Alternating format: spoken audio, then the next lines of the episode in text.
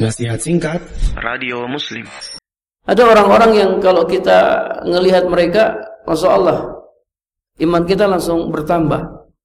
Kita baru ngelihat tok. Ya. Misalnya uh, Kalau kita kan uh, Minim ulama. Kalau di tempat kita banyak Al-Asatidah Al-Asatidah Para ustadz. Kita kalau lihat para ustadz Ya, masya Allah, iman kita jadi bertambah.